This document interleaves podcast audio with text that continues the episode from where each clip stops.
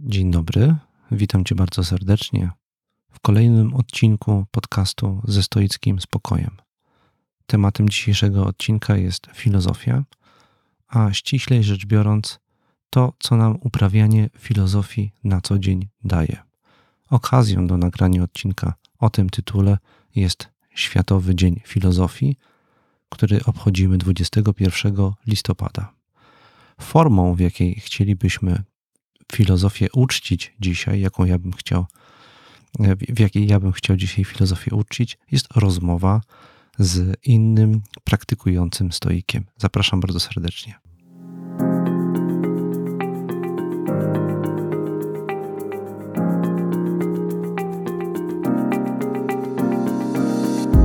Mamy ograniczony wpływ na to, gdzie i pośród jakich ludzi żyjemy. Nie my decydujemy, co nam się codziennie przydarza. Od nas jednak zależy, jak to przyjmujemy i jakimi stajemy się ludźmi.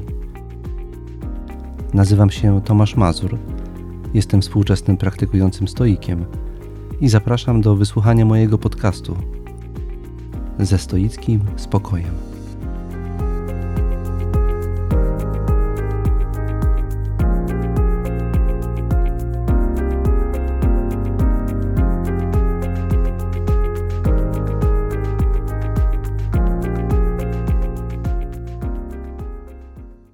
Zanim zaproszę Cię do rozmowy z moim dzisiejszym gościem, chciałbym tradycyjnie zacząć od podziękowań.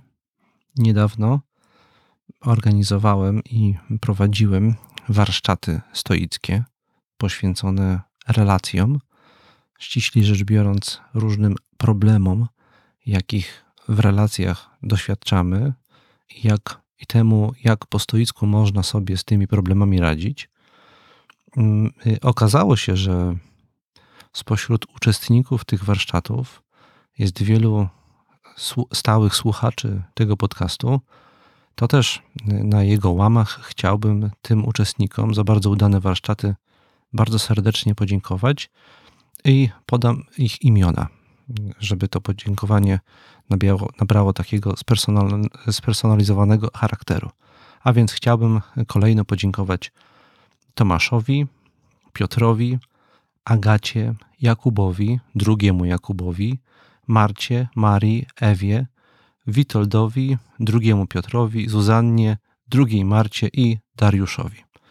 Bardzo Wam wszystkim dziękuję. To były bardzo inspirujące także dla mnie warsztaty.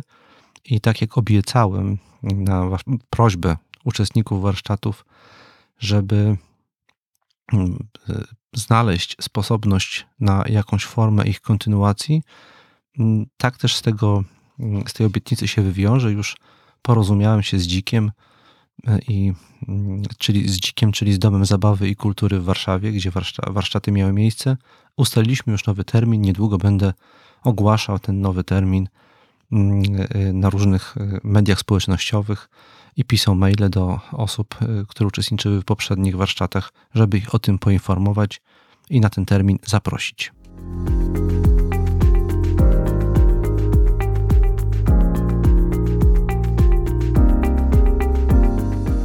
W moim ostatnim wpisie na blogu w sposób osobisty podziękowałem filozofii za naszą wspólną wieloletnią wędrówkę która pomimo e, różnych zakrętów, skomplikowanych meandrów, a także momentów zwątpienia, dostarczyła mi niezwykle bogatej strawy duchowej i odmieniła mnie jako człowieka. Dlatego, e, skoro już o tym pisałem, teraz nie będę się już na tym za bardzo rozwodził, a jedynie tradycyjnie nawiążę do któregoś ze stoików, podzielę się cytatem następnie opatrzę go krótką refleksją. Ten cytat, e, który przygotowałem na dzisiaj, pochodzi e, z Marka Aureliusza z Księgi Dziewiątej, gdzie mm, możemy przeczytać między innymi, cytuję, a mówię, że wszechnatura zachowuje się wobec powyższych rzeczy obojętnie. W tym znaczeniu, że zdarzają się one bez jakiegokolwiek osobnego uzasadnienia, w myśl prawa przyczynowości jako skutek jakiegoś pierwotnego postanowienia opatrzności, która wzięła się od jakiegoś początku, zacząwszy do tego właśnie urządzania świata, zebrawszy w całość pewne prawzory rzeczy przyszłych i odgraniczywszy siły twórcze substancji, zmian i ich następstw. Koniec cytatu. Ten zawiły nieco cytat zdecydowałem się mm, dzisiaj przytoczyć na okoliczność Światowego Dnia Filozofii, żeby krótko jeszcze mm, powiedzieć, iż mm, filozofia dostarcza nam pewnej umiejętności czy cechy. Pozwala rozwinąć pewną cechę u, u osób praktykujących filozofię. Tą cechą jest umiejętność spojrzenia na rzeczy, które nam się przydarzają z dużego dystansu. Filozof, który bada zależności między zdarzeniami w świecie, który stara się spojrzeć na wszystko, co się dookoła dzieje w sposób możliwie obiektywny, zyskuje dzięki temu dystans, który pozwala mu zachować właściwą perspektywę, kiedy sam wikła się w różne tarapaty emocjonalne i może stać się zakładnikiem przywiązania do jakiejś przygodnej rzeczy, która mu się w życiu przydarzyła. Jeżeli jest filozofem, jeżeli regularnie studiuje filozofię, dużo łatwiej jest mu nabrać do tego, co mu się w życiu przydarza, dystansu i zachować spokój. Więc to jest pierwszy dość oczywisty zysk z filozofii i między innymi, między innymi w tym fragmencie, który przeczytałem z Marka Aureliusza, o, y, możemy o tym dystansie się właśnie przekonać.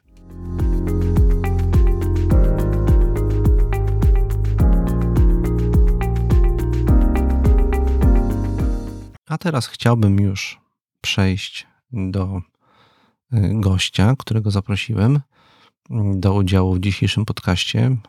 Poświęcę najpierw trzy słowa y, osobie, którą zaprosiłem. Jest to Jola Księżak, która pojawiła się jako członkini jednej z grup stoickich, którą y, prowadziłem w zeszłych latach. E, I od początku zadziwiła mnie jej powaga, z jaką ona do praktyki stoickiej podchodziła, jej determinacja, a następnie postępy, jakie poczyniła.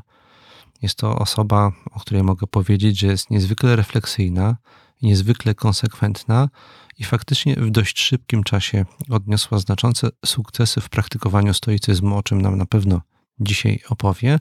A dodam na jej temat także, że swego czasu napisała kilka niezwykle fascynujących blogów, wpisów na blogu, które udostępniliśmy za pośrednictwem naszego portalu Stoicway. Bardzo serdecznie zapraszam do rozmowy z moim dzisiejszym gościem, Jolantą Księżak.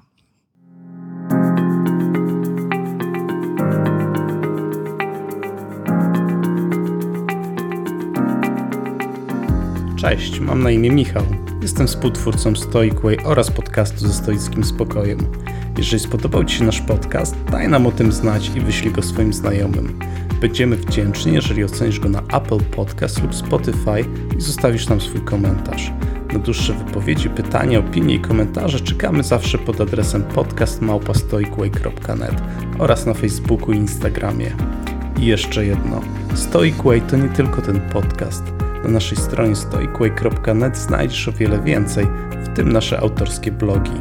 Organizujemy także warsztaty stacjonarne oraz unikatowy 6-miesięczny stoicki kurs online. Zapraszam Cię do wspólnej stoickiej podróży. Do usłyszenia! Dzień dobry, a ja teraz już witam bardzo serdecznie w moim podcaście Jolek Księżak. Dzień dobry, Tomaszu. Witaj, Jolu. Pomyślałem, że może mm, zacznę od żartu filozoficznego, ponieważ ten podcast nagrywamy w związku ze Światowym Dniem Filozofii, więc mm, żeby tą filozofię tak przedstawić e, we wstępie w trochę innych niż tradycyjnych barwach, to zacznę od dowcipu filozoficznego. Mhm. Znamy się wiele lat, postaram się zachować godnie. Opowiadam. Ze spokojem ten dowcip, dobrze. Tak, jednocześnie będzie to mm, e, być może test na twój stoicyzm. Czy, czy nie wybuchniesz śmiechem? No, spróbuj nie wybuchnąć śmiechem po, no, po usłyszeniu dowcipu filozoficznego. Bardzo Usztywniam cię proszę. kręgosłup. O, znakomicie. Tak przygotowana teraz możesz usłyszeć ten dowcip, a ja go zaczynam mówić. Otóż mm, pewien profesor filozofii przybył na Wydział Filozofii w celu wygłoszenia odczytu dla swoich studentów. Zanim y, udał się na salę wykładową, wstąpił jeszcze do sekretariatu, żeby załatwić jakąś sprawę administracyjną. Mm, a pani sekretarka w tym sekretariacie zwróciła mu uwagę, że ma dwa różne buty na nogach. Pan profesor z, z, spuścił wzrok, spojrzał na swoje obuwie i powiedział: a, to, a to dziwne, wie pani, bo ja mam w domu drugą taką parę. Utożsamiam się. No, może chciałabyś w związku z tym odpowiedzieć na moje pierwsze pytanie mhm. o Twoją relację z filozofią, o twoi, Twój stosunek do filozofii, o rolę, jaką filozofia odegrała w Twoim życiu, próbując jakoś nawiązać do tego żartu. Spróbuję nawiązać do tego żartu. Natomiast e, chciałam mm, na wstępie powiedzieć, że występuję tu dzisiaj w sytuacji dla mnie dosyć nietypowej. E, jednak jest to rodzaj występu publicznego. E, twój podcast ma wielu słuchaczy. Ja jestem jedną z Twoich stałych słuchaczek. Bardzo dziękuję. Więc e, chciałabym może powiedzieć o tym, że tej, ta nietypowa sytuacja dla mnie wzięła swój początek w wdzięczności. Więc jestem tutaj po pierwsze dlatego, że jestem Ci wdzięczna. E, więc y, może jest to dobra okazja do tego, żeby zwrócić dobrodziejstwo. Czyli żeby po pierwsze podziękować Tobie, po drugie być może przekazać e, tą inspirację, którą dostałam od Ciebie wiele lat temu dalej. Pomyślałam sobie, że może ktoś będzie nas słuchał tak, jak ja Ciebie wtedy słuchałam e, i wyniesie z siebie coś dobrego. Stąd też zdecydowałam się postawić w tej nietypowej dla siebie, trochę publicznej sytuacji e, i opowiedzieć o tych swoich doświadczeniach. E, do filozofii stoickiej zawiodło, przywiodło mnie takie wydarzenie z 2013 roku. Byłam wtedy na etapie przygotowań do kolejnego długiego biegu, do biegu maratońskiego. E, na takim emocjonalnym zakręcie życiowym. Czułam się wyczerpana stylem życia, który prowadziłam. Przygotowywałam się do kolejnego biegu. E, wybrałam się na 20-kilometrową przebieżkę. Założyłam na uszy e, słuchawki, włączyłam radio. Leciała Niedziela Filozofów w TOK FM. Nie, nie w TOK FM, w RDC. Tomasz Stawiszyński zaprosił cię wtedy mhm. do, tak, tak, do programu. Mm, I słuchałam tej audycji biegając. I było mi ciężko biegać, ponieważ byłeś tak irytujący w tej audycji. E, mówiłeś tak wolno, że e, bardzo trudno mi było utrzymać tempo biegu. W efekcie próbowałam cię przełączyć, zatrzymałam się, żeby przełączyć tą audycję, ale wtedy powiedziałeś coś, co spowodowało, że się zatrzymałam i usiadłam na ławce, żeby wysłuchać tego, co masz do powiedzenia. Otóż e, powiedziałeś, że filozofia stoicka dała ci takie poczucie sytości, spokoju i zadowolenia. Że ona być może w finale nie przyniosła ci ekscytacji i takiej silnej szczęśliwości, ale z pewnością dała ci taki, takie poczucie bezpieczeństwa, e, zawieszenia w takiej spokojnej toni. Mm, I zaintrygowało mnie to. Zastanowiłam się, jak funkcjonuje się w życiu, mając tego typu nastawienie. Czy ja mogę ci wejść w słowo? Jak zawsze, zapraszam. Po pierwsze, bardzo dziękuję. Mhm. Ja też wszedłem ci w słowo, żeby podziękować za to wszystko, co powiedziałaś, bo tam mhm. bardzo dużo powiedziałaś rzeczy, boję się, że po tym by mi to umknęło. Mhm. Czuję się e, wręcz skrępowany twoimi miłymi słowami, ale postaram się wytrzymać dzielnie też po stoisku tak. E, w, tej, w tej trudnej sytuacji mhm. dla mnie. Bardzo ci dziękuję. Natomiast chciałem powiedzieć jedną rzecz. Mhm że ja na pewno nie użyłem słowa sytość. To jest chyba coś, co ty dodałaś. Dodałam to, tak? Może tak, tak mi się być. wydaje, ale to jest właśnie niesamowita, mm, niesamowity przykład Aha. tego, co daje y, relacja i interakcje między ludźmi. Ja bardzo często mówiąc o swoim doświadczeniu filozofa, opowiadam o tym, że najwięcej mi dało nauczanie i przekazywanie wiedzy, bo w trakcie tego wchodziłem w interakcję z ludźmi i oni oddawali mi coś, co nie do końca ja im dałem, ale w efekcie ja bardzo dużo też uzyskiwałem. I to jest właśnie mhm. to. Bo ja bardzo często szukam właściwego słowa, żeby wyrazić, co daje mi stoicyzm, mhm. żeby dobrze to przekazać. Ja na pewno nie użyłem słowa sytość, natomiast ono jest idealne. Mhm. Ja teraz to poczułem, że to jest dokładnie to słowo, którego powinienem był użyć, a ty go użyłaś, bo ty sobie przefiltrowałaś to jakoś, to co usłyszałaś przez swoje doświadczenie i użyłaś tego słowa w tej relacji. Mhm. I to jest bardzo piękne. Ja to z kolei tobie chciałem podziękować za to, że tą relację przedstawiłeś w taki y, bogatszy sposób, co z kolei mi, mi też mm, podsunęło bardzo ciekawe określenie, bo dokładnie to jest o to, o to chodzi, że stoicyzm nie daje tej ekstazy, której wszyscy szukają, takiej mhm. emocjonalnej w innych obszarach, daje coś innego. Również jest to bardzo intensywne emocjonalnie, ale w innej kategorii emocji zupełnie. Ja bym w związku z tym użył słowa uczucie i to jest uczucie sytości, takiego osadzenia i sytości. To jest bardzo piękne podsumowanie tego, co w efekcie daje systematyczna praktyka stoicka, więc już tutaj tak na wstępie chciałem Ci podziękować za ten, za ten komentarz, że spontanicznie wyszło. Cieszę się, że coś wspólnie ukuliśmy. Tak. E, kiedy sobie myślę o tym, co mi dał stoicyzm, to e, przychodzi mi też do głowy takie porównanie mm, unoszenia się w toni. E, wyobrażam sobie, że unoszę Tego się. Tego mogłem użyć.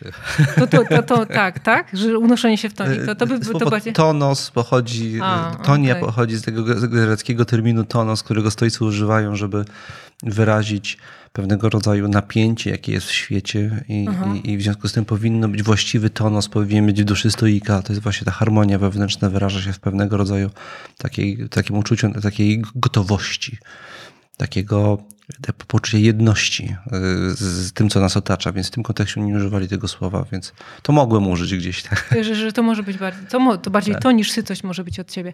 Tak, to jest takie y, poczucie unoszenia się w toni wynikające z z przeświadczenia, że się jest y, wystarczającym, że się jest we właściwym miejscu, we właściwym czasie, że się jest gotowym na to, co cię spotka, co ci się wyplecie, to jest takie poczucie pełni zaufania do swoich kompetencji. E, I myślę, że to jest coś, co jest moim stoickim dorobkiem po tych kilku latach e, myślenia na stoicki sposób. Zresztą pewnie gdyby to nasze spotkanie miało miejsce dwa lata temu, to trudno by mi było mówić o sobie jako o praktykującej stoiczce. Myślę, że ta moja tożsamość wtedy nie była w taki sposób określona. Jest to mm, rzecz, która się we mnie ułożyła całkiem świeżo. Nawet zastanawiałam się nad tym, e, co powodowało, że nie identyfikowałam siebie w ten sposób przez lata. I doszłam do wniosku, że może takie poczucie tego, że używam e, filozofii stoickiej jako filozofii życia tylko w określonym wymiarze, w wymiarze czysto praktycznym. Mhm. Tylko do kształtowania siebie i uprawiania siebie, to pożyczyłam od ciebie, mhm. e, w takich codziennych okolicznościach. Nie ma to u mnie wymiaru pogłębionych studiów filozoficznych, więc nawet trudno byłoby mi się wypowiedzieć w sytuac- na okoliczność tego, co filozofia wniosła w moje życie, ponieważ e, myślę o sobie i o świecie po stoicku i jest to e, w tej chwili bardzo moje, indywidualne, takie trochę intymne. Natomiast e, nie nazywam tego pogłębionymi studiami, rozważaniami filozoficznymi. Ja po prostu żyję w stoicki sposób jest to u mnie takie bardzo proste i organiczne. E, natomiast te zmiany, które zauważyłam, te zmiany, o których e, przed chwilą wspomnieliśmy, e, są bardzo głębokie i widzę je oglądając się wstecz. Mhm. Kiedy przypominam sobie siebie z tego momentu, w którym mnie zatrzymałeś, spowodowałeś, że usiadłam na tej ławce, to wiem, że byłam wtedy osobą mm, taką, osobą, którą pochłaniały przeróżnego rodzaju potrzeby i ambicje. I to było powodem mojego wyczerpania. Angażowałam się w bardzo wiele projektów wymagających ode mnie skupienia uwagi i bez przerwy podnosiłam sobie poprzeczkę, chcąc osiągnąć więcej. To, co mi omówisz mhm. teraz, przewodzi mi na, na pamięć inne doświadczenie jeszcze moje. Mhm. A to ma to związek ze słowem, którego użyłaś, które też ja sobie wezmę z tej rozmowy. Użyłaś słowa wystarczający. Mm. Poczucie bycia wystarczającym. To jest też bardzo trafne oddanie tego, co daje nam praktyka stoicka i w ogóle moim zdaniem to jest warunek spełnienia wszelkiego. Uczucie, że, że, że wszystko, co masz. A antyczni stoicy mm, używali y, w tym, w tym kontekście określenia autarkia to znaczy, to, to jest termin oznaczający, że człowiek ma w sobie wszystkie niezbędne zasoby do, do tego, żeby tu i teraz, bez względu na to, czy powiodą mu się jakiekolwiek przedsięwzięcia, żeby tu i teraz czuć się, jak to określiłaś, sytym czy mhm. sytą. E, więc to jest drugie określenie, którego użyłaś, którego ja chyba nie, nie używałem, ale ono jest mi jakby intuicyjnie bardzo bliskie. I ono przywiodło mi na, na myśl, wydobyło z, z mojej pamięci inne moje doświadczenie, którym się teraz też chciałem podzielić przy tej okazji, bo się dzielimy. Jedno z moich najwcześniejszych lektur filozoficznych, jedno z najwcześniejszych doświadczeń filozoficznych, które mnie na pewnym etapie mojego życia ukształtowały i ukierunkowały, mhm. to była lektura powieści bardzo przewrotnego i ciekawego polskiego autora Stanisława Ignacego Witkiewicza. Ja czytałem wszystkie jego książki, byłem zafascynowany tą postacią. To była książka pod tytułem Nienasycenie. Mhm. I, I, ja miałem, chyba wszedłem w filozofię trochę z tym takim doświadczeniem, uczuciem nienasycenia. Y, poczucie, że ja muszę coś znaleźć a właśnie stoicyzm, tak jak ty o tym opowiadasz, mm, pokazuje, że można zupełnie mieć inną postawę. I chyba trochę tak jest, że współczesny człowiek jest e, tak jak bohaterowie książki Witkiewicza, nienasyceni. Ciągle są czegoś i oni są nienasycalni w związku z tym. I ty byłaś, rozumiem, w takim też Tak, byłam w nienasyceniu, byłam w ciągłym pragnieniu trochę czego innego niż miałam w danym momencie. I to z pewnością jest zmiana, którą mogę zauważyć, e, porównując swój obecny stan do tego z przeszłości. Natomiast w tej swojej stoickiej e, podróży, e, w momencie, w którym teraz jestem, zastanawiam się też nad tym, co utraciłam. Mhm. I to też chciałabym poruszyć i też chciałabym Ciebie o to zapytać, bo mhm. rzadko o tym mówisz. E, tak jak wspomniałam, z uwagą słucham tego, co nagrywasz i czytam Twoje książki. E, I rzadko o tym mówisz. Rzadko mówisz o utratach związanych z wyborem stoicyzmu. Mhm. Nagrałeś podcast, w którym mówiłeś o skoku. O tym, że stoicyzm jest pewnym wyborem, że on trochę przypomina skok. Że się odrywasz, mhm. powiedzmy, z klifu i lecisz i nie ma odwrotu. E, u mnie ten proces wyglądał trochę inaczej, bo on z pewnością miał e, dużo więcej spokoju. Ja widzę tę różnicę od dzisiaj wstecz, mhm. ale nie miałam poczucia zerwania. I straty. I straty. Mhm. Nie, nie miałam tego. Natomiast y, faktycznie na dziś, w momencie, kiedy moi przyjaciele rozmawiają w sposób pełen namiętności o katastrofie klimatycznej, mhm to mam wrażenie, że, tak nie, że nie potrafię w to wejść. Mhm.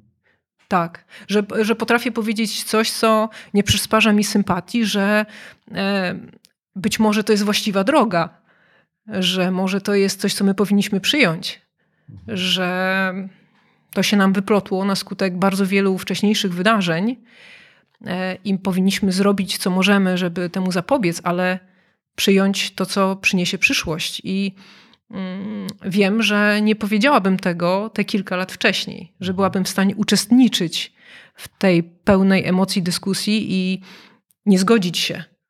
E, taka pełna zapału, taka żarliwa. W tej chwili tego nie mam. I e, to, że stoicy e, jakby nie przyjmują, czy, czy, czy jakby tracą taką możliwość zachłystywania się, czy wiesz, takiego zbiegania z górki z otwartymi ustami i w pełni emocji, to jest coś, do czego się nie wraca. do czego się nie da wrócić. I zastanawiałam się, e, kiedy słuchałam Ciebie w poszczególnych podcastach, w wywiadach, których udzielałeś, jakie są Twoje utraty w związku z tym wyborem. Czy jest coś, czego Ci brakuje, albo e, co wspominasz z przeszłości i budzi taki Twój sentyment i może jakąś tęsknotę? Właśnie zastanawiam się, czy to rachujesz. Ja faktycznie mam ten pogląd, być może y, na łamach podcastu o tym, y, w trakcie nagrywania podcastu o nim nie mówiłem, ale to jest być może dobry temat na osobny odcinek. Mhm. Życie rządzi się taką regułą, że jest coś za coś. Coś w jakimś obszarze zyskujesz kątem utraty w innym obszarze. Ta energia życiowa tak jakoś się rozkłada, że to jest zawsze coś za coś. Nawet niedawno mm, prowadziłem warsztaty stoickie i ostatnie ćwiczenie, gdzie staraliśmy się rozwiązać problemy, które dyskutowaliśmy na warsztatach za pomocą technik stoickich, w samym swoim tytule zawierało element, zawierało pojęcie utraty. Zależało mi na tym, żeby uczestnicy warsztatów mieli świadomość, że rozwiązując pewien problem po, po stoicku, jednocześnie coś tracimy. I żebyśmy nie mieli tego schematu, że rozwiązania, jakie przyjmujemy, wyłącznie przynoszą nam stuprocentowe zyski i nigdzie nic nie tracimy. Faktycznie jest coś takiego. I, I, ludzie niechętnie patrzą na praktykę z tej perspektywy, że ona coś daje kosztem czegoś innego. Na pytanie, co ja utraciłem, szeroko powiem, bo w praktyce to, co ja czułem, że utraciłem, jednocześnie rozumiałem też w, szerzej, bo widziałem z boku efekty mojej praktyki mm, i po jakimś czasie dochodziły do, do mnie pewne rzeczy, które być może się traci e, przez tą praktykę. Po pierwsze, już to o tym powiedziałeś, biegnięcie z górki w różnych obszarach życia jest po prostu przyjemne. Pęd jest przyjemny. Pęd jest przyjemny, to, jest, to, to daje frajdę. I czasami człowiek czuje taką tęsknotę za tym pędem. To jest trochę jak e, e, ktoś, kto wyszedł z nałogu, na przykład alkoholowego e, i już żyje w trzeźwości, ale czasami czuje taką tęsknotę za tym rozwiązaniem, no bo alkohol jest rozwiązaniem. Silna emocja i biegnięcie z górki jest pewnego rodzaju rozwiązaniem. Ono jest bardzo krótkowzrocznym, krótkowzrocznym rozwiązaniem, bo mm, y, przynosi bardzo dużo nam cierpienia w efekcie mhm. i prowadzi do dużej ilości błędów. I to jest bardzo duża strata, ale jest szybkie. I szybko przynosi pewien rezultat. Tak jak alkohol, pijesz, od razu się czujesz fajnie. Mhm. Natomiast jak się konfrontujesz z jakimiś życiowymi problemami, nie od razu czujesz się fajnie, nie od razu jest fajnie, nie od razu widzisz rozwiązanie. Kiedy jeszcze nie uzyskałeś tego efektu stoickiej praktyki, że, że czujesz, że jesteś wystarczający, czujesz, że jesteś syty bez względu na to, co ci się wydarzy, to pojawia się ta tęsknota, zwłaszcza w tym okresie przejściowym. Za, za sięgnięciem po takie proste rozwiązanie w postaci nakręcenia się emocjonalnego, bo na przykład jak jesteś nakręcony emocjonalnie w pewnych sytuacjach, to czujesz, że masz rację Emocje dają ci poczucie pewności i racji, podczas gdy kiedy ich nie masz, nie masz tego. E, widzisz różne strony problemu i widzisz, że druga strona też ma trochę racji i to jest niewygodne. E, I na pewnym etapie pracy nad sobą, zwłaszcza na pracy nad relacjami, to jest nieprzyjemne uczucie, mieć poczucie, że może ty nie masz racji do końca, że druga strona też ma trochę racji, że, to, że, że, że, że nigdy to nie jest doświadczenie zero-jedynkowe, więc jest drugi obszar. Mm, straty. Pierwsze to jest przyjemność, jaka niesie z nakręcania się i przyjemność y, y, połączona z takim poczuciem rozwiązania jakiegoś problemu, mhm. które tak naprawdę go nie rozwiązałeś, ale czujesz, że go rozwiązałeś. I emocje mają takie działanie. Druga to jest to y, utrata mm, pewności. To jest chyba to się też traci dzięki. Istotą praktyki stoickiej jest refleksyjność. Ona trenuje refleksyjność. W efekcie bycia refleksyjną osobą dużo mniejszy masz poziom niezachwianej pewności w życiu. Nie ma tego po prostu. Mhm. Y, bo wiesz, jak bardzo ograniczone są niektóre założenia, które, jak duże ograniczenia mają założenia, które się, się przyjmuje, żeby podjąć określone decyzje. To jest drugi obszar straty. Trzeci obszar straty mm, to jest łatwy dostęp do, do, do dopływu, do silnego dopływu adrenaliny. Są sytuacje życiowe, gdzie musisz włączyć adrenalinę, żeby wykrzesać z siebie jakąś energię i udźwignąć bieżące zadania czy problemy. I wtedy uda ci się spiąć i do, domknąć jakiś projekt, rozwiązać jakiś problem interpersonalny na, na energii, takiej dodatkowej. W związku z tym w pewnych nie, nietypowych sytuacjach jesteś efektywny dzięki byciu osobą silnie emocjonalną.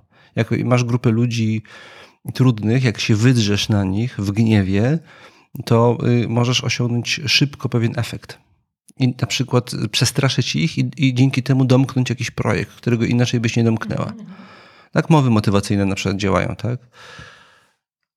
I stoicyzm ci tego nie daje. Znaczy, możesz stracić możliwość i chęć czerpania ze swojej życiowej energii w ten sposób, co, co sprawia, że w pewnych y, sytuacjach możesz być nieefektywna i musisz się z tym pogodzić. Jakby stoik w sytuacji, kiedy widzi, że zadanie, przed jakim stoi, naraża jego równowagę wewnętrzną albo równowagę otoczenia, on się nie, nie podejmie tego.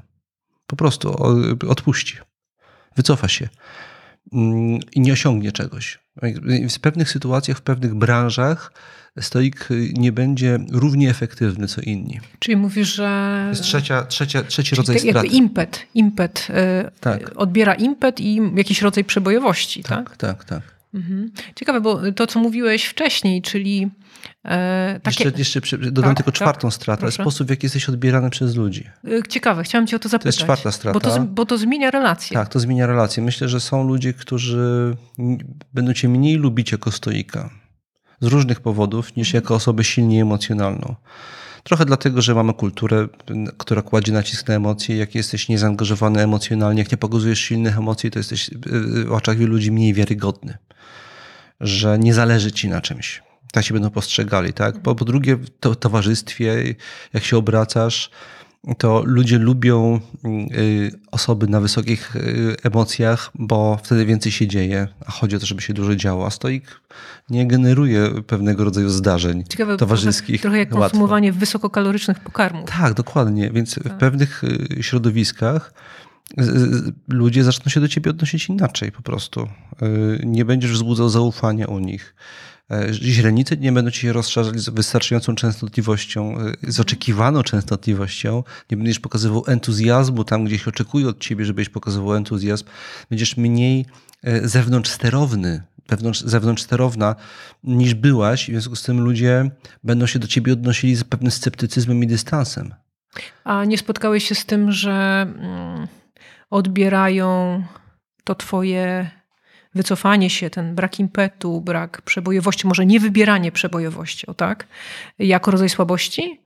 Że wiesz, to jest, jest, jest y, tak, taki dialog tak, tak, platoński, w którym ktoś zarzuca e, Sokratesowi, że, że, jest słaby, że, jest słaby, tak, mhm. że go tylko tak, to, pyski lać. To jest, jest taki... nieuchronne, że tak będziesz tak. postrzegana w niektórych Aha. środowiskach. Tak, to jest ta strata, że w pewnych środowiskach tak będziesz postrzegana, w związku z tym interesy z tymi środowiskami, jeżeli jesteś biznesmenem, gorzej ci będą szły ale to jest, to jest, to jest, to jest jakby tak jak powiedziałem w życiu, trzeba świadomie dokonać pewnych wyborów. A jak to jest u ciebie? Bo y, powiedziałeś wcześniej, mm, że przyzwyczaiłaś się patrzeć na świat ze stoickiej perspektywy. Co to właściwie znaczy dla ciebie na co dzień? To właśnie jest ta perspektywa obserwatora, mhm.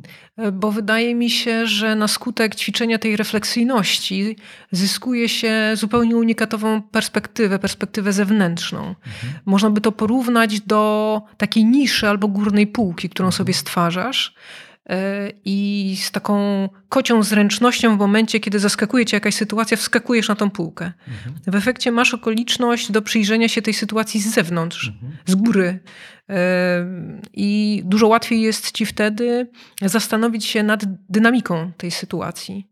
E, więc ta stoicka perspektywa, o której mówię, to jest perspektywa obserwatora, mhm. bo tylko w niej, wydaje mi się, można próbować osiągnąć e, jakąś taką, mm, takie oddalenie. Chciałam powiedzieć e, obiektywne spojrzenie, no ale to pułapka, bo to zawsze będzie spojrzenie subiektywne, tylko z innej perspektywy, prawda? ale mm, to stoickie spojrzenie, o którym mówię, to jest przede wszystkim spojrzenie z dystansu. I tak jeszcze wrócę do tego naszego jednego z pierwszych porównań, czyli do tego unoszenia się w toni, że Wiesz, kiedy jestem w swojej dobrej stoickiej formie, no bo ona oczywiście też faluje, ale kiedy jestem w takiej dobrej stoickiej formie, no to e, unoszę się w tej toni, e, otoczona spokojem, otoczona poczuciem bezpieczeństwa i sytości.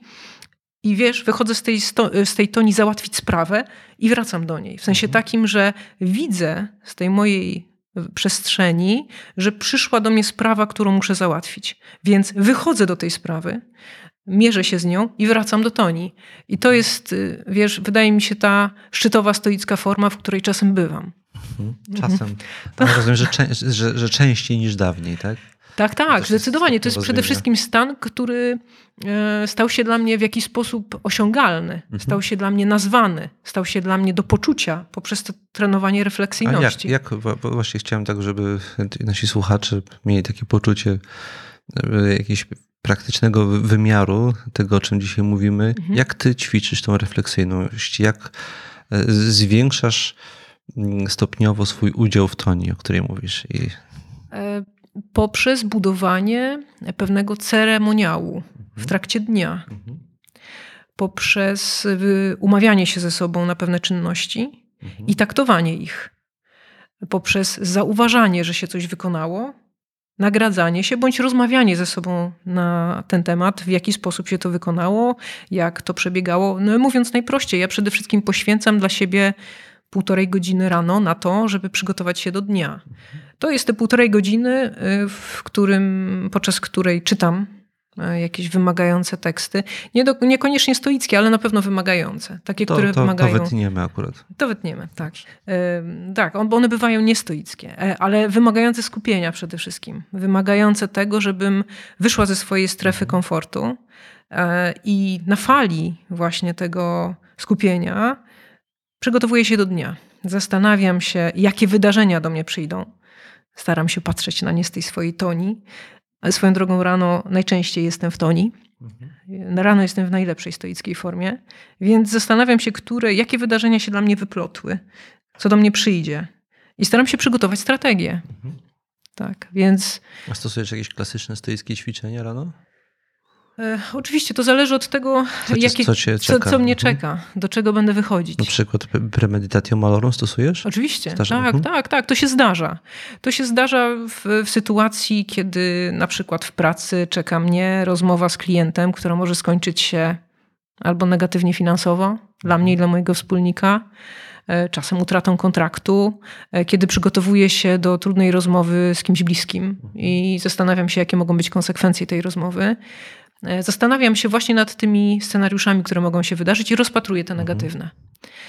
A czy ty mhm. też y, w trakcie, bo to już od paru lat trwa ten proces u ciebie, y, czy też zaobserwowałaś stratę? Czy w twoim otoczeniu ludzie zaczęli ciebie inaczej postrzegać przez to, że, że masz taki bardziej refleksyjny stosunek do wszystkiego, co się zdarza? Mm to się bardzo zmieniło u mnie, mhm. dlatego też cię o to zagadnęłam, bo um, u mnie ten proces zmiany, ten proces, w którym zaczęłam patrzeć do wewnątrz i trochę inaczej odnosić się do pojęcia sukcesu, do kwestii gromadzenia rzeczy, do kwestii zdobywania popularności. Mhm. E, skończył się tym, że na przykład y, zakończyłam swoją wieloletnią relację zakończyłam związek, który w momencie, kiedy zaczynałam e, poznawać stoicyzm, wydawał mi się e, centrum mojego intymnego życia. Mhm. E, ale ostatecznie okazało się, że zmiany, które we mnie zaszły, były w jakimś sensie nie do zaakceptowania przez drugą osobę. Tak, zdecydowanie. Jakby cały ceremoniał, w którym uczestniczę, e, to wycofanie się do wewnątrz, to, że nie chciałam uczestniczyć w zdobywaniu dóbr, na przykład niektórych, mhm. ewentualnie, że nie chciałam e, zgodzić się na w praktyce na podpisanie pewnych umów, mhm. zawarcie pewnych kontraktów, to okazało się mało atrakcyjne.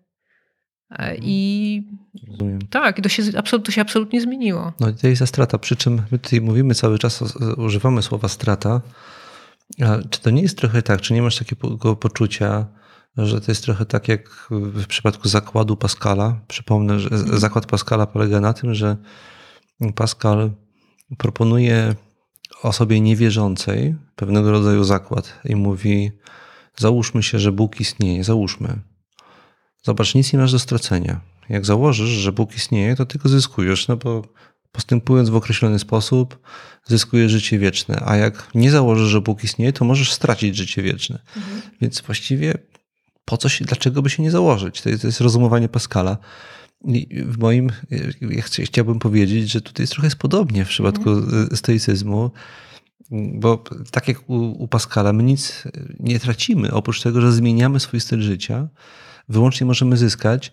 Ja mam takie poczucie, że z perspektywy tego, co zyskałem, ta strata nie jest tak naprawdę stratą. To jest naprawdę niewielka, niemalże znikoma niedogodność. Mhm. Ja nie postrzegam tego w kategoriach dużej straty, bo jeżeli przeformatujesz sobie optykę, sposób patrzenia na to, co jest w życiu ważne, to to, to, co straciłaś w efekcie praktykowania stoicyzmu, lokuje się właśnie w obszarze tych rzeczy mało istotnych. Wiesz co, zdarzyło mi się bardzo, w bardzo ciekawy sposób rozmawiać na ten temat y, z, z naszą wspólną znajomą Lidią Boniecką, mhm. malarką. Pozdrawiamy. Pozdrawiamy Lidię. Mm, zdarzyło mi się bardzo y, prowadzić z nią bardzo ciekawą rozmowę i ona uważa, że ten koszt zmniejszenia wysycenia emocjami ten koszt zmniejszenia kontrastów w życiu. Mhm. Ty trochę o tym A, mówiłeś. Bardzo ładne określenie, zmniejszenie kontrastów. Zmniejszenia mhm. kontrastów, e, że jest dla niej zbyt dużym kosztem, że ona e, jako osoba, która korzysta z emocji, żeby tworzyć, mhm. że dla niej ten koszt jakby niezaglądania w te wysokie rejestry jest zbyt duży. Mhm. Więc wyobrażam sobie, że to może w taki... Jako artystka, bo ona tak, jest artystką. ona jest artystką. Więc y, wyobrażam sobie też, mhm. że y, w momencie, kiedy się zastanowisz nad tym, to są sytuacje i są osoby, które e, nie pójdą tą drogą. Właśnie między mhm. innymi z tego powodu, mhm. że wiesz, to poczucie upojenia, które przynoszą emocje, jest dla nich zbyt atrakcyjne. Znaczy to nie jest trochę tak, ja mam takie doświadczenie, mhm. że nie jesteś w stanie sobie wyobrazić, jak będziesz funkcjonować bez tych silnych emocji, mhm. dlatego nie chcesz z nich zrezygnować, bo czujesz, że bardzo dużo ci one na co dzień dają, bardzo dużo zyskujesz właśnie na przykład mhm. tego kontrastu. Ale jak już y, po paskalowsku wskoczysz to, w to y, y, i zaczniesz inaczej funkcjonować, okazuje się, że zyskujesz kontrast w zupełnie innym obszarze, którego się nie, nie spodziewałaś. I ja mam tutaj inną metaforę, metaforę palacza, który rzuca palenia. Bardzo często słyszałem od palaczy wieloletnich, dla których papieros to było coś po prostu, właśnie ten kontrast, ten, ten taki chwilowy high, to jest to, to bardzo przyjemne uczucie do, do, dopływu nikotyny do mózgu, i oni też sobie nie wyobrażali bez tego ele elementu stałego funkcjonować i palili y, świadomi y, negatywnych skutków, ale po prostu nie byli w stanie zrezygnować z tego. Trochę tak jak właśnie z emocjami też jest. One mają negatywne konsekwencje czasami, no ale nie chcemy tracić tego, tego kontrastu, który nam dają, mhm. tego, tego podniesienia y, nastroju na przykład okresowego, intensywnego ale ja często słyszałem od palaczy, którzy rzucali palenie, że oni po dwóch, trzech tygodniach zaczynają czuć smaki, których nigdy wcześniej nie czuli, że to jest mhm. strasznie intensywne doświadczenie dla nich. Że, tak jak powiedziałem, życie nie zna próżni. I w miejsce e, intensywności w jednym obszarze, intensywności o charakterze emocjonalnej, pojawia się intensywność w innym obszarze. E, e, na przykład o charakterze użyciowym, nastrojowym. Możesz zacząć przeżywać nastroje, których nigdy nie doświadczałaś. E, I, to, i, i możesz je prze, prze, prze, przeżywać w taki intensywny sposób. One mogą być tak urozmaicone, zróżno, różnorodne, że no, to stanowi równie intensywne źródło mhm. bogactwa. Tak? I także inspiracji twórczej. Tak sobie wyobrażam, że to także może być źródło inspiracji twórczej. I to mi się przy, przypomina w tym kontekście też doświadczenie somalierów. Ktoś, kto pije alkohol, żeby po prostu się naprać, a nie widzi różnicy w smaku. A ktoś, kto zaczyna być smakoszem, czyli nie pije po to, żeby doświadczyć tego haju pod wpływem alkoholu, tylko kosztuje, nagle odkrywa niesamowite bogactwo. Moim zdaniem stoicyzm daje dostęp do niesamowitego bogactwa e, e, refleksji, wrażeń, niuansów, jakie niesie ze sobą każda chwila. Weź na przykład Marcela Prusta, który był super refleksyjnym tak. człowiekiem, mm, który w swojej książce analizuje bardzo szczegółowo relacje międzyludzkie dzięki tej refleksyjności i tam dostrzega w drobiazgach milion różnych stanów, mhm. których bez refleksyjności nie zauważyłbyś, bo przeszedłbyś na tym haju obok nie tego. Więc ja uważam, że e, e, brak silnych emocji daje unikalny wgląd w niuanse, które niesie codzienne życie, egzystencjalne niuanse. I to jest to bogactwo, które zyskujemy. Tak jest moje wrażenie, do, doświadczenie. Bardzo ciekawe. Przyszło mi do głowy jeszcze jedno porównanie. Chciałabym się nim z Tobą podzielić. Ostatnio słuchałam bardzo ciekawej audycji o dojrzałości. Dyskusja była e, bardzo energiczna. E, ale w pewnym momencie terapeutka, która była tam e, i jakby broniła tezy, tezy związanej z tym, że można być dojrzałym bądź niedojrzałym, powiedziała coś, co mnie bardzo zaciekawiło właśnie z tej perspektywy stoickiej. Ona powiedziała, że za dojrzałość uważa stan, w którym można wchłonąć liczne, silne emocje i zatrzymać je w sobie. I jest się na tyle silnym, że nie trzeba ich natychmiast wyrzucić na zewnątrz. I, no to już nie są emocje, moim zdaniem, wtedy właśnie. E, widzisz, i to, i to jest, wydaje mi się, że to jest, to jest, można by pomyśleć, e, że stoicy właśnie coś takiego robią, w sensie takim, że oni jakby przytrz, robili takie przytrzaśnięcie chwili, prawda?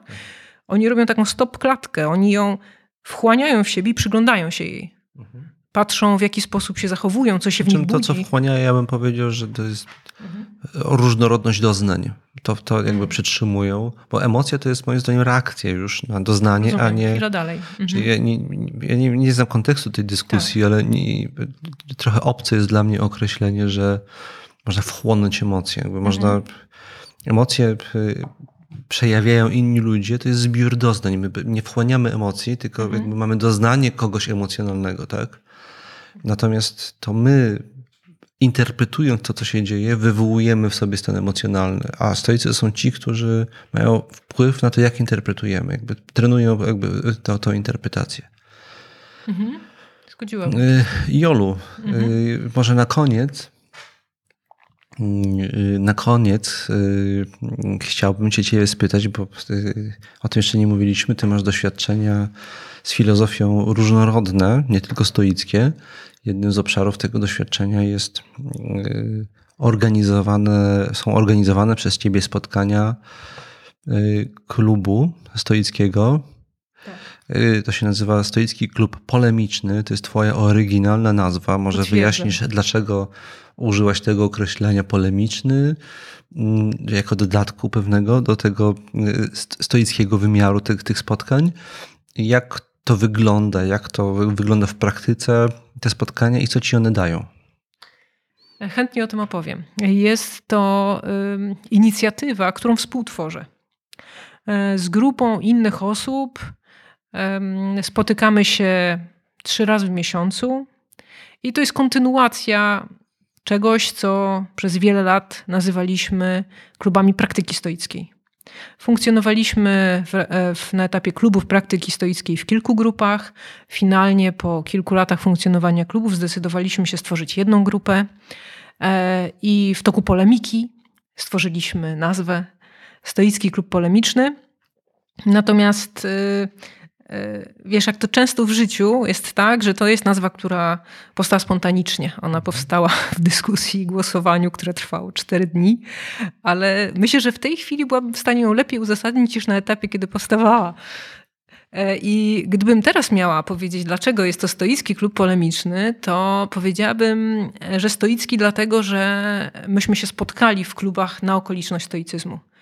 Większość z nas nie identyfikuje siebie jako praktykujących stoików, jako stoików w ogóle. Wiele z tych osób znasz, więc y, możesz to potwierdzić. Natomiast myśmy się spotkali na okoliczność stoicyzmu. Mhm. Ten stoicyzm ma w sobie coś, co nas, y, co nas wszystkich przy, przy, przywabiło. Mhm. mhm. E, więc zdecydowaliśmy się stoickość w nazwie e, zostawić. Natomiast dlaczego polemiczny? W tej chwili powiedziałabym, że to, co nas łączy, w tym klubie, to jest, wiesz, taki rodzaj tego e, sokratejskiego, uciążliwego domownika. W sensie takim, że każdy z nas e, ma w sobie mm, taką postać, która zadaje pytanie, dlaczego tak jest, która ma taką potrzebę dociekania, ma taką potrzebę wymiany. Więc myślę, że myśmy też to wszyscy przynieśli, więc spotykamy się te trzy razy w miesiącu, dyskutując w pogłębiony sposób o sprawach, które napotykamy na co dzień, ale które często pomijamy poprzez brak czasu. Dyskutujemy o kwestiach tożsamości, prawdy, moralności. Mm, są to rzeczy, które w sumie każdego z nas interesują, każdego z nas dotyczą, ale rzadko jest przestrzeń na to, żebyśmy się nad tym zatrzymali. E, więc tak to wygląda. Współprowadzę ten klub. Prowadzę spotkania raz w miesiącu i one mają taki wymiar, powiedziałabym, bardziej kulturalno-publicystyczny. Wprowadzam jakiś temat na podstawie audycji, artykułu, książki, którą przeczytałam.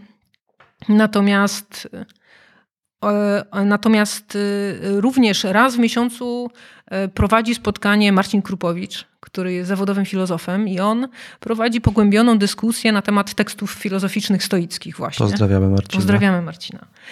Raz w miesiącu pojawia się u nas gość. E, I jest to osoba z kręgu filozoficznego, szeroko pojętego. Więc ym, oprócz tego, że bywasz, bywasz u nas ty, to jeszcze bywa u nas Marcin Ilski na przykład, mhm. który... E, logiką się zajmuje. Zajmuje się logiką i ma taką afiliację sceptycką. I to, jest, I to jest dosyć ciekawe. E, spotykamy się w bibliotece pod Sowami, która jest na generała Zajączka w Warszawie. Żoliborz, tak? To jest Żoliborz. Mhm. O godzinie 18.30 e, zaczynamy spotkanie. Spotkanie trwa dwie godziny. Piątki. Ono jest w piątki, potwierdzam. Można nas znaleźć na Facebooku.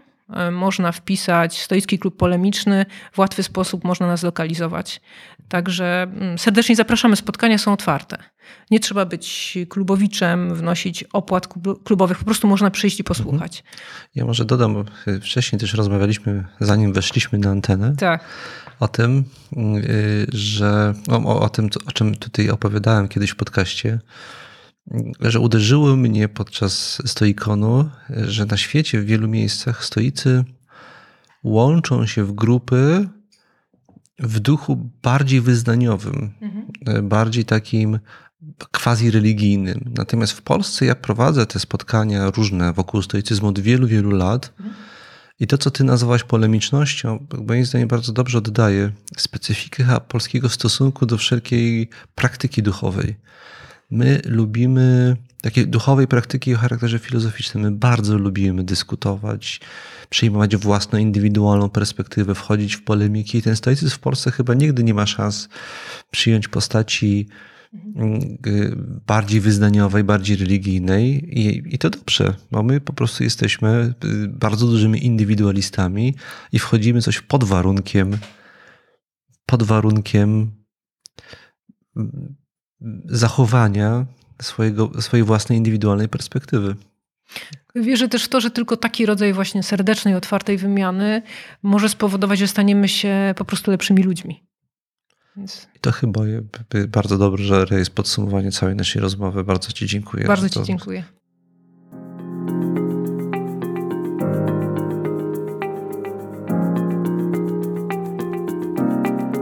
To była rozmowa z Jolą Księżak, współczesną praktykującą stoiczką, czy stoikiem, jak kto woli. Za, za wysłuchanie rozmowy bardzo serdecznie dziękuję i zapraszam do słuchania także kolejnych odcinków tego podcastu, do których się szykuję i być może także do których zaproszę kolejnych rozmówców, z którymi będę rozmawiał o filozofii, stoicyzmie, ale zapewne nie tylko. Bardzo dziękuję jeszcze raz i do usłyszenia.